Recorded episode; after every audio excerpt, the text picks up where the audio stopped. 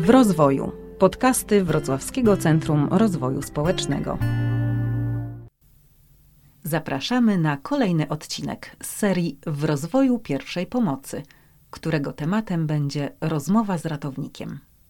W podcaście usłyszymy Jarosława Sowizdraniuka, wykładowcę Wydziału Ratownictwa Medycznego na Uniwersytecie Medycznym imienia Piastów Śląskich we Wrocławiu oraz Michała Podgórskiego, ratownika medycznego, instruktora pierwszej pomocy.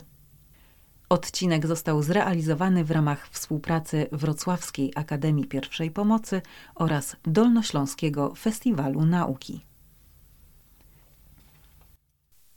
O udzielaniu pierwszej pomocy mówiliśmy już wiele razy i myślę, że każdy jest przekonany o tym, że udzielanie pierwszej pomocy jest ważne, że trzeba się tego uczyć, że trzeba ludziom pomagać, że trzeba być uważnym na to, że człowiek może potrzebować pomocy i żeby nie przechodzić obojętnie koło drugiego człowieka, który leży w parku koło ławki, czy jak widzimy wypadek, to żeby go nie wymijać, ale się zatrzymać i pomóc. Ale dzisiaj chciałbym, żebyśmy zastanowili się nad tym, jak wygląda udzielanie pierwszej pomocy z drugiej strony, czyli z perspektywy osoby, która później przyjedzie i przejmie od nas to udzielanie pierwszej pomocy, czyli od ratownika medycznego Dzisiejszy podcast będzie zupełnie w innej formule, dlatego że jest ze mną Michał Podgórski, którego mm, no, słuchacze Wrocławskiej Akademii Pierwszej Pomocy znają przede wszystkim ze szkoleń, z tego jak się udziela, jest bardzo zaangażowany. Michał pracuje na co dzień w pogotowiu ratunkowym we Wrocławiu i ma bardzo duże doświadczenie w udzielaniu medycznej czynności ratunkowych i będę chciał z nim porozmawiać właśnie o tym, w jaki sposób pomóc zespołom ratownictwa medycznego, żeby ta pomoc była udzielana kompleksowo, żeby nie kończyła się tylko i wyłącznie na udzieleniu pierwszej pomocy, na zabandażowaniu, na nie wiem, uciskaniu klatki piersiowej, a żeby ten człowiek naprawdę miał szansę na przeżycie i na lepsze zdrowie. Michał, witam cię serdecznie. E, ja również witam, dziękuję za zaproszenie. E, no to zacznijmy może od tego. Jak długo już jeździsz w pogotowie ratunkowym? Może powiesz e, kilka słów, jak to się stało w ogóle, że stałeś ratownikiem? Co w tym najbardziej lubisz? To kilka pytań, więc e, czynnym ratownikiem medycznym jestem od 15 lat. Stało się to troszkę przypadkowo, mm, mianowicie poszedłem na studia e, ratownictwa medycznego. E, zawsze czułem, że generalnie lubię pracę z ludźmi, natomiast nie miałem żadnego powołania medycznego wcześniej i później mm, rozpocząłem pracę po studiach no i tak to się jakoś potoczyło. Co lubisz w tej pracy? Co lubię w pracy mm, ratownika medycznego? Mm, różnorodność, zmienność, emocje, adrenalinę, pomoc y, sama w sobie y, niesiona ludziom to jest y, bardzo duże szczęście, kiedy się udaje. Prowadzisz dużo szkoleń pierwszej pomocy. Czy to w ramach Wrocławskiej Akademii Pierwszej Pomocy, czy też szkoleń innych takich zawodowych. Jak patrzysz na przestrzeni lat, bo wiem, że już jesteś długo też czynnym instruktorem, jak na przestrzeni lat zmienia się zaangażowanie ludzi i w szkolenia, i w to, jak obserwujesz później efekty tych szkoleń już pracy w karetce? Rzeczywiście na przestrzeni lat mm, bardzo e, poprawiła się e, ta statystyka, jeżeli chodzi o udzielanie pierwszej pomocy przez świadków zdarzenia. Widzimy to bezpośrednio w pracy, e, w wyjazdach ratunkowych. E, myślę, że składa się na to kilka czynników. E, świadomość społeczna rośnie, e, ale przede wszystkim edukacja, która kierowana jest do coraz młodszych osób, bo zdarza się uczyć już dzieci w przedszkolu, w szkole podstawowej, specjalny przedmiot edukacji dla bezpieczeństwa, więc chyba edukacja to jest podstawa, ale też sposób prowadzonej tej edukacji. Te kursy też stają się coraz bardziej praktyczne. Mm, a nie teoretyczne, czyli y, uczą ludzi reagować e, automatycznie. Zaangażowanie y, jest widoczne. Wielu ludzi chciałoby pomagać, ale często ogranicza się na przykład do, do stania i pokazywania, że tutaj ktoś leży i potrzebuje pomocy, e, więc e, ludzie potrafią wezwać, zwrócić uwagę, ale czasami na tym kończy się to udzielenie pierwszej pomocy. Chcielibyśmy poprawić umiejętność udzielania bezpośrednio pomocy przez świadków zdarzenia, bo wpływa to bezpośrednio na przeżycie później poszkodowanego. Więc zaangażowanie jest, ale jeszcze potrzeba jest chyba bardzo dużo nauczania, edukacji i wczesnoszkolnej, ale też y, uświadamiania osób już starszych, które często nie czują się, nie widzą się w tym udzielaniu pomocy, że oni tak samo ratując, udzielając pierwszej pomocy, ratują naprawdę życie ludzkie. Zwrócić uwagę na to, że potrzeba jest edukacji, która jest zaczęta już w przedszkolu, kontynuowana przez szkołę podstawową, szkołę średnią, żeby też dorośli byli dotykani tym udzielaniem pierwszej pomocy, czyli żeby dużo się o tym mówiło, ale też zwróciłeś uwagę na to, żeby mówiło się praktycznie.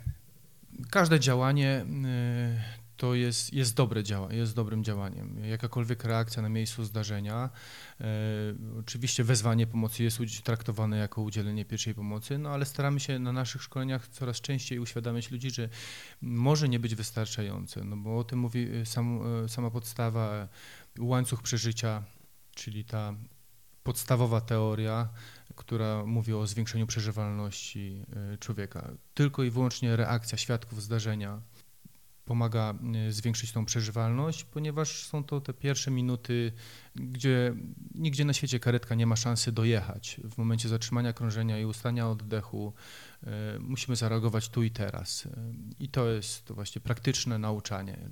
No dobra, ale mówi, że trzeba zareagować tu i teraz, że ten czas jest ważny, ale mm, dlaczego jest tak ważny? No, fizjologia jest nieubagana i mm, najszybciej wskutek braku tlenu który jest poprzez zatrzymanie akcji serca, reagują, reaguje mózg. Komórki istoty szarej umierają już po około 4-5 minutach, niestety nieodwracalnie e, i tylko i wyłącznie rozpoczęcie e, uciskania klatki piersiowej może pomóc utrzymać ten przepływ krwi przez najważniejsze narządy, co za tym idzie, utrzymać to życie. No dobra, dobra, ja ci tutaj przerwę, nie? No bo e, okej, okay, ta istota szara to bardzo skomplikowanie brzmi, ale myślę, że dla naszych słuchaczy ważne jest to, co tak naprawdę, jakie to ma przełożenie na życie każdego z nas. No bo mówisz o tym, okay, musisz udzielać pierwszej pomocy. No, wyobrażam sobie to, że ktoś krwawi, ta leci krew, wytryskuje z ręki, no okay, trzeba szybko zatamować, żeby krew nie uciekła. Tak? To ja to rozumiem, że człowiek ma 5 litrów krwi w sobie, jak wyleci 3, no to będzie kiepsko, no bo nie ma co krążyć, ja to rozumiem. No ale o tych komórkach szarych to już y, przesadziłeś. Przepraszam, no, na szkoleniu staramy się iść po kolei i może rzeczywiście zabrzmiało to zbyt skomplikowanie. Jest taka fajna kampania na Facebooku, e, cisnę klatę, bo ufam, że ty pociśniesz moją. No więc e, kiedy ktoś po prostu przestaje koło ciebie oddychać, świadczy to o tym, że przestało pracować jego serce. Uciskaj jego klatkę piersiową, bo w ten sposób będziesz pompował jego krew e, do mózgu i utrzymasz ten mózg przy życiu to rozumiem, że mózg jest ważny dla życia.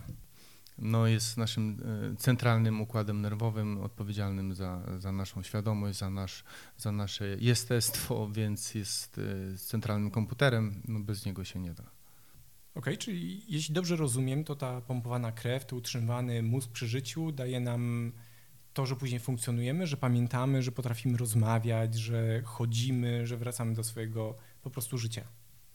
Pracujesz w zespole ratownictwa medycznego już kilkanaście lat. Jak często zdarza ci się sytuacja, w której przyjeżdżasz do pacjenta, a na miejscu ktoś udziela pierwszej pomocy?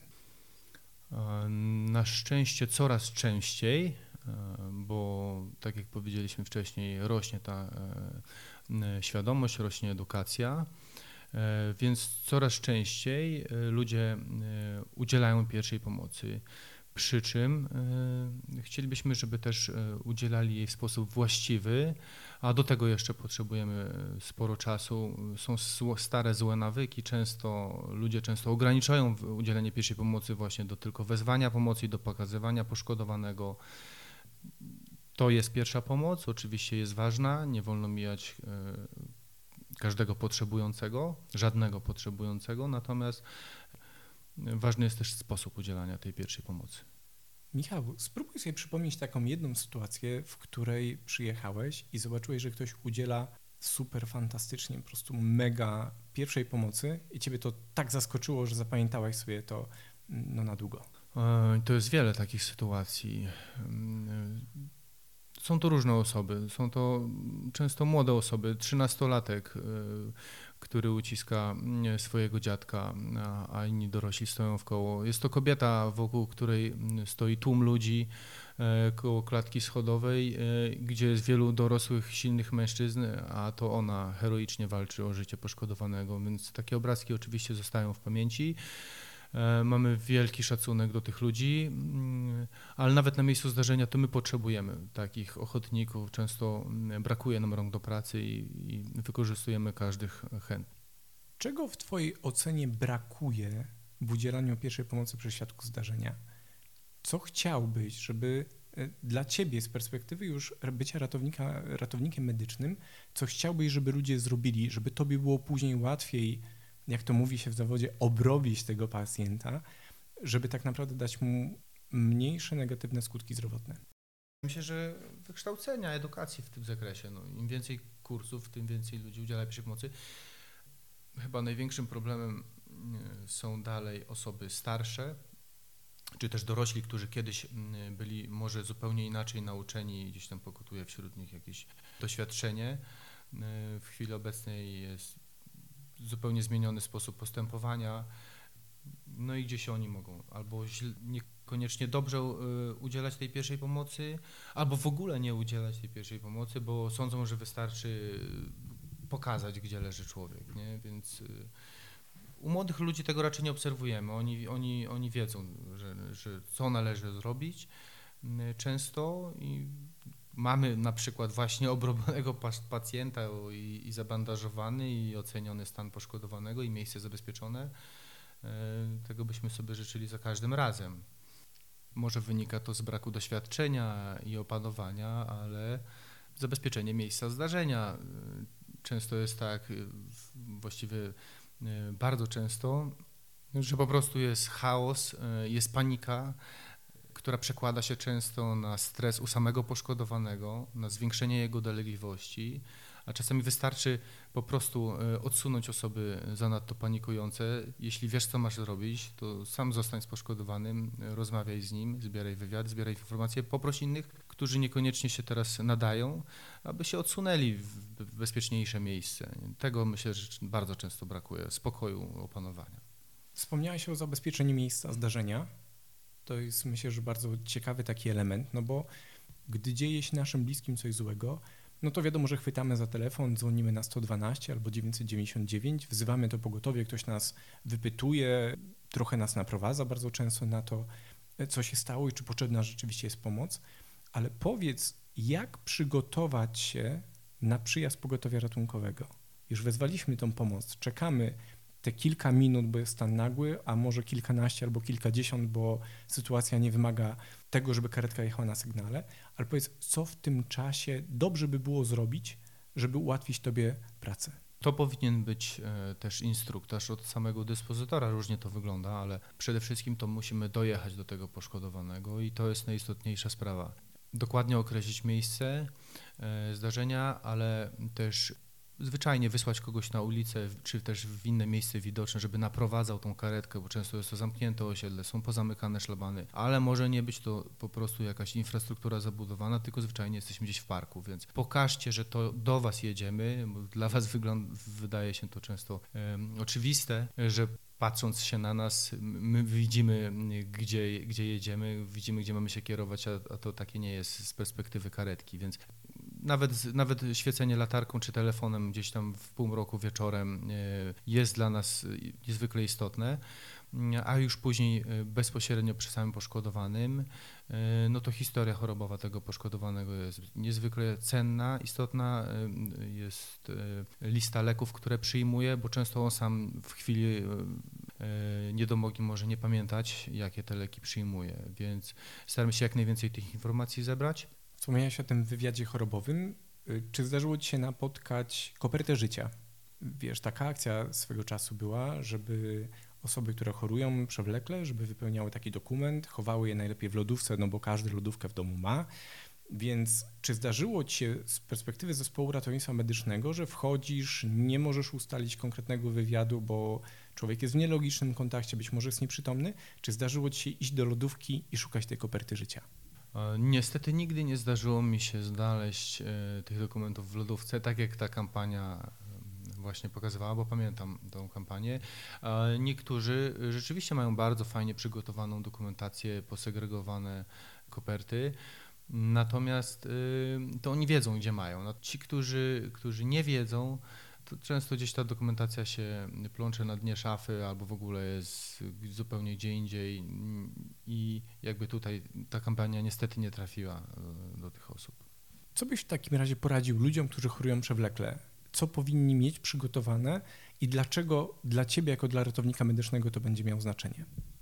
E, no więc powinni mieć e, całą historię chorobową e, w miarę możliwości skompletowaną przynajmniej w jednym miejscu i nie chodzi tutaj zupełnie o lodówkę, ale chodzi o po prostu widoczne miejsce, aby nie leżało to na dnie szafy.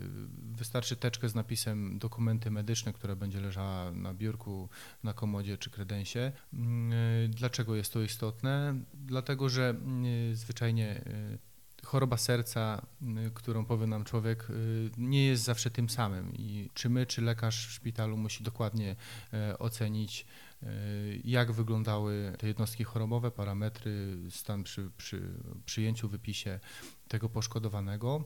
Co dodatkowo doda list, aktualna lista leków, która często jest zmieniana w trakcie leczenia przez różnych lekarzy i sam pacjent jest w stanie się tym pogubić. E, e, no, aby było to leczenie skuteczne, to musi być ta aktualna, najbardziej e, wersja i najlepiej mieć to gdzieś spisane pod ręką. Dodatkowo były jeszcze kiedyś takie karty, na przykład IC, in case of emergency, które poszkodowany, nieprzytomny, posiadając przy sobie, wskazywał, gdzie możemy zasięgnąć tych informacji. Często się zdarzało, że dzwonimy po, po rodzinie czy po, po ludziach, po świadkach, którzy mogą nam coś więcej powiedzieć na temat stanu poszkodowanego. Więc taki numer do osoby kontaktowej jest bardzo ważny.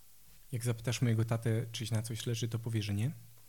ale jak poprosisz, żeby przyniósł leki, to przyniesie ci cały taki wielki koszyk, z którego wysypują się tabletki, więc no, rzeczywiście ta dokumentacja, myślę, słyszę to nie od ciebie, że jest ważna i że te lekarstwa, no, które też e, człowiek, jeżeli trafi do szpitala, to będzie musiał przez kilka dni następnych przyjmować, być może tych leków na miejscu nie będzie.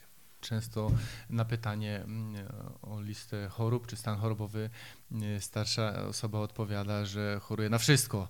No to też nas zbija często z tropu. Co jeszcze ukrywają pacjenci przed ratownikami? To znaczy, może nie odkrywają tego celowo, ale mm, bardzo często bagatelizują i na pytanie, na co pan choruje, na nic, a tak jak powiedziałeś, za chwilę przynosi listę leków, e, a to tylko nadciśnienie, e, to, to nie było sensu wspominać. Zdarza się, że ktoś nie chce e, wspominać o chorobach, albo robi to po prostu może nieświadomie z błahej przyczyny, dla nas każda e, informacja jest istotna. Ile razy ugryzł cię pies na dyżurze? E, na szczęście nigdy, ale no, zagrożenie było wiele razy. No i z perspektywy pacjenta piesek nigdy nikogo nie ugryzł. Grzeczny był zawsze, no ale to zawsze jest zwierzę. Y, które na widok obcych w nagłej sytuacji, wbiegających, wchodzących gwałtownie do domu, pomarańczowo, świecąco ubranych, no to może różnie zareagować. I zdarzało się, że to tylko Doberman, on naprawdę grzeczny i, i, i nigdy nikogo nie, nie atakował. Wchodzimy spokojnie patrzy się na nas, przychodzi i obwąchuje nas, to czasami wręcz e, paraliżuje. To, to jest podstawowa rzecz. Wszelkie, wszelkie zwierzęta zawsze staramy się gdzieś tam odsunąć, schować. Dla nich samych, e, dla nas, dla poszkodowanego to jest jedyna i najlepsza sytuacja. Myślę, że wiele z nas obserwowało bacznie sytuację pandemii w Polsce i to, co się działo, i no bardzo często ratownicy medyczni byli pokazywani jako ci, którzy są na, na pierwszej linii ognia, którzy walczą, którzy próbują ratować mimo braku środków, braku wiedzy na początku w ogóle, z jakim wirusem mamy do czynienia. Co było dla Ciebie najtrudniejsze? Rzeczywiście była to dla nas nowa sytuacja. Owszem, byliśmy uczeni, jak się zachować w zagrożeniu epidemiologicznym, to nigdy na taką skalę i myślę, że z tym spotkała się cała służba zdrowia nie tylko w Polsce. No i rzeczywiście wtedy byliśmy na świeczniku, wtedy wszyscy, wszystkie oczy zwrócone na nas, mm, wychwalani. A opowiedz trochę, jak pracowało się w kombinezonach, maskach, goglach. Gdyby pandemia trwała e, teraz przez te okresy gorące, to nie wyobrażam sobie tego. Ekstremalnie e, człowiek spocony, mm, pot leci gdzieś tam po oczach, w maskach, trudna komunikacja, y, trudna mobilność, y, a tutaj trzeba robić dokładnie y, te same manewry, często skomplikowane czynności, więc no, nie było to łatwe.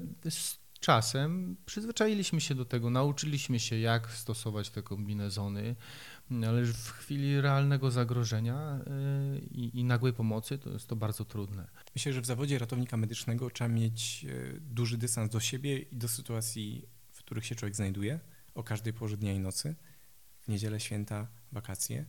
Opowiedz nam o jakiejś takiej przekomicznej sytuacji, która spotkała Ciebie w zespole ratownictwa medycznego.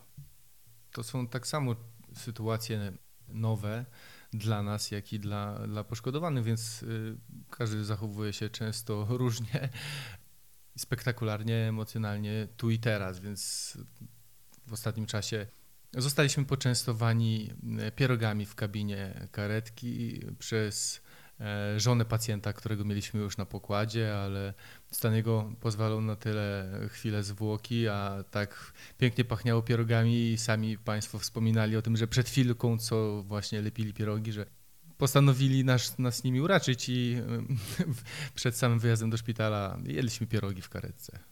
Było super, były pyszne. Czy spotykasz się z tym, że ludzie mają wdzięczność za to, że uratowałeś ich bliskich, albo uratowałeś im życie, albo ocaliłeś zdrowie? No bardzo często. W miejscu zdarzenia y, widzimy wdzięczne spojrzenie. Czasami tego nie ma, bo wiadomo, są emocje, my, my, my, nie po to pracujemy, nie po to ratujemy, żeby oczekiwać na miejscu zdarzenia, czy w ogóle wdzięczności. Ale dobre słowo, uśmiech, zrozumienie jest, jest wzajemnie bardzo ważne z jednej, jak i z drugiej strony, a podziękowania to bardzo często się zdarzają nawet dużo, dużo e, później, po kilku miesiącach, gdzie ja już sytuacji często nie pamiętam albo jak przez mgłę, a spływają takie podziękowania. Wyobrażam sobie, że gdy ktoś potrzebuje pomocy w domu, to podaje adres. Jest to ulica Zielona, numer 37 przez 4, to jest łatwo znaleźć, nawet jeżeli dojazd jest e, poprzez jakiś parking zamkniętym szlabanem, to sobie można z tym poradzić. Ale chciałbym, żebyś podpowiedział teraz osobom, które będą wzywały pogotowie ratunkowe, jak zachować się w miejscu publicznym, jak zachować się w miejscu, w którym no, nie ma konkretnego numeru, jesteśmy w parku jakimś, w środku parku, nie wiem, w lesie, albo nawet w galerii handlowej, kiedy no, powierzchnia takich sklepów wielkopowierzchniowych jest ogromna, no a jednak ta pomoc powinna dotrzeć jak najszybciej. Jest to jedna z najistotniejszych rzeczy, abyśmy mogli szybko dojechać do pacjenta. Y, należy dokładnie określić miejsce zdarzenia, y, opisać punkty charakterystyczne, często opisać drogę dojazdu do tego poszkodowanego, a w miejscu y, należy po prostu sygnalizować, że to tu, że to my wzywaliśmy karetkę, y, machać zwyczajnie ręką. Kiedy jest wieczór czy ciemno y, w nocy, zaświecić latarką telefonem. Jedną z najprostszych, a najbardziej skutecznych metod jest po prostu oddelegowanie, wysłanie kogoś po prostu na ulicę czy w inne widoczne miejsce, kto może później przyprowadzić ten zespół ratunkowy już bezpośrednio do miejsca zdarzenia. Więc określenie miejsca e, to jedno, ale dojazd karetki to drugie i musimy pomóc e, właśnie zlokalizować jak najszybciej ten, to miejsce. Pamiętajmy też często, to jest plaga dzisiejszych czasów, że mamy pozamykane osiedla i nie wszystkie szlabany reagują na dźwięk sygnałów masz szlaban, a wzywasz karetkę, to pamiętaj, żeby otworzyć ten szlaban, wysłać kogoś, kto będzie nam y, umożliwiał przejazd. Reagują na dźwięk syren? To, to one odchodzą, wtedy stają na baczność? Co tam się dzieje? Y, szlaban podnosi się na dźwięk syreny. Czyli rozumiem też, że nie można mieć za złe, jak karetka podjeżdża nawet po cichu w nocy i nagle wyją syreny, to oznacza prawdopodobnie, że chcecie po prostu wjechać na osiedle. Często nie mamy wyboru, e, czekamy, no ale nie możemy czekać w nieskończoność. E, jesteśmy zmuszeni, żeby jakoś dojechać do pacjenta. Michał, no bo powiedziałeś o tym, że można podawać punkty charakterystyczne w miejscu zdarzenia. Czy mógłbyś nam przybliżyć, co może być dla Ciebie pomocne, co może być punktem charakterystycznym, czy to w parku, czy to na wiosce, w mniejszej miejscowości, czy na przykład w centrum handlowym? Trywialne i błahe pozornie e, sprawy. Pod jednym adresem często jest e, kilka firm, kilka siedzib różnych instytucji na przykład, więc dokładne określenie, gdzie jedziemy, do jakiej firmy, jakie piętro, który pokój i gdzie znajduje się ten poszkodowany. W miejscu mm, takim jak galeria na przykład handlowa, no to określenie dokładnie sklepu, a nawet stoiska i kogoś, kto będzie tam czekał i wskazywał dokładnie to miejsce. Pogotowie ratunkowe kojarzy się z tym, że dzieje się zawsze akcja, że jest szybko, że jest tu i teraz. I myślę, że z perspektywy osoby, która potrzebuje pomocy, czas po prostu niesamowicie wolno zaczyna biec. Powiedz, dlaczego czasami na tą karetkę trzeba czekać dłużej niż te kilka minut, nawet jeżeli to jest wypadek, nawet jeżeli ktoś straci przytomność, nawet jeżeli komuś spadł poziom cukru we krwi i ta pomoc jest natychmiastowo potrzebna. Dlaczego karetka przyjeżdża po kilkunastu minutach, a nawet po kilkudziesięciu? Znaczy, dyspozytor e, medyczny mm, określa e, stopień e, zagrożenia danego wezwania i wysyła, dysponuje mm, zespół ratownictwa medycznego w, takim kodzie pilności adekwatnie do stanu poszkodowanego. E, natomiast jeśli z wywiadu wynika, że nie jest to rzecz, e, która wymaga natychmiastowej pomocy, bo rzecz dzieje się na przykład od kilku czy kilkunastu albo nawet kilkudziesięciu godzin, no to zwyczajnie z powodu tego, że jest niedobór e, zespołów ratownictwa medycznego jakby do czasami liczby wezwań, czasami ten czas oczekiwania jest długi, co mieliśmy jak na dłoni w trakcie właśnie szczytu pandemii. Powiedz nam, jak wygląda praca ratownika medycznego od kuchni? No bo ktoś to wzywa pomoc, podnosi telefon, wzywa, mm, krzyczy ratunku pomocy, ok, ale jak to wygląda z Twojej perspektywy? Jak dowiadujesz się o tym, że ktoś potrzebuje pomocy? Jakie środki wtedy jakby podejmujesz do momentu, kiedy dotrzesz do tego człowieka? Co tam się dzieje, e, no już wprost w pogotowie ratunkowym? Stopień pilności e, danego wyjazdu określa dyspozytor. Jeżeli e, rzeczywiście rzecz jest nagła, no to przyjmuje szybko podstawowe informacje i wysyła, przekazuje nam je na tablet. My będąc y, w karetce czy na bazie dostajemy y, alarmowo taką formatkę, gdzie wypisane są wszystkie szczegóły y, tego wezwania. Ja będąc kierownikiem takiego zespołu ratownictwa medycznego informuję szybko kierowcę, że, że jest taki czy inny wyjazd, ruszamy. No, jeśli jest to kod pilności 1, no to i z opisu wynika, że rzeczywiście dzieje się coś pilnego Wiemy, że należy się śpieszyć, ruszamy jak najszybciej do karetki, odpalamy i, i jedziemy. Obserwując zachowania kierowców w czasie, kiedy przyjeżdża czy to karetka na sygnale, czy wóz strażacki, czy radiowóz, mam wrażenie, że ludzie głupieją. No okej, okay, nazwałeś to taki sposób, tak? I rzeczywiście e, my często też nazywamy to po prostu po imieniu, jadąc karetką. Emocje e, i adrenalina są, no jednak pędzimy do zdarzenia. Chcemy być tam jak najszybciej. Mm, e, myślę, że w dalszym ciągu jest za mała świadomość wśród kierowców i, i fajnie była kampania o korytarzach życia, o tym chyba już wszyscy wiedzą ale nie wszyscy wiedzą i się do tego stosują. Właściwie korytarz życia powinniśmy stosować w korku, e, natomiast podczas jazdy e, na przykład drogą dwupasmową i widząc w lusterku, że zbliża się do nas jakiś pojazd na sygnałach, nie tylko karetka, no to zmieńmy maksymalnie pas do prawej strony. Staramy się już wcześniej umożliwić jedną, jeden pas wolny, najczęściej właśnie lewy pas, aby, aby ten zespół mógł spokojnie przejechać. Jeśli nie wiesz, co zrobić, to najlepiej się po prostu zatrzymać. Może nie tak, żeby na środku drogi, staraj się gdzieś zjechać maksymalnie do boku i to w zupełności wystarczy. Dlaczego warto uczyć się udzielania pierwszej pomocy? Uważam, że to powinna być e, jakby powinność wynikająca e, z, z, z po prostu z, z chęci samej pomocy, E, niekoniecznie z tego, że chcemy z wzajemnością później też tej pomocy, e, tą pomoc uzyskać.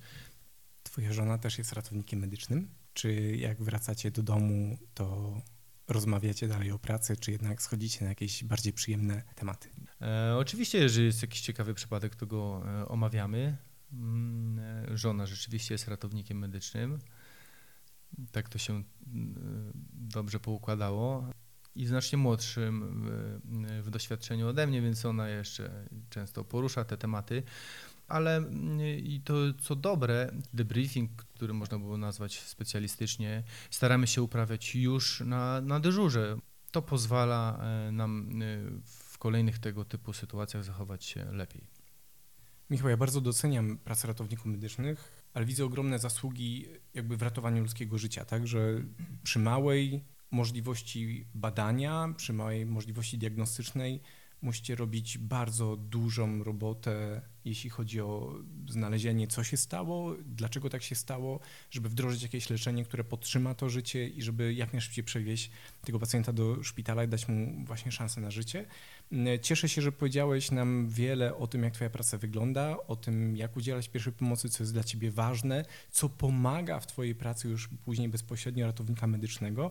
Życzę Ci tego, żebyś miał mało wyjazdów, żeby te wyjazdy kończyły się sukcesem, żebyś rzadko musiał zastanawiać się nad tym, no co poszło nie tak, nie? żeby to Twoje działanie było takie płynne, żeby ludzie byli Tobie pomocni, żebyś w czasie każdego dyżuru, żebyś miał poczucie spełnienia siebie, żebyś miał poczucie takiego, kurczę, dzisiaj zrobiłem coś dobrego, dzisiaj uratowałem komuś życie, żebyś nie czuł się super bohaterem, a żebyś po prostu nim był.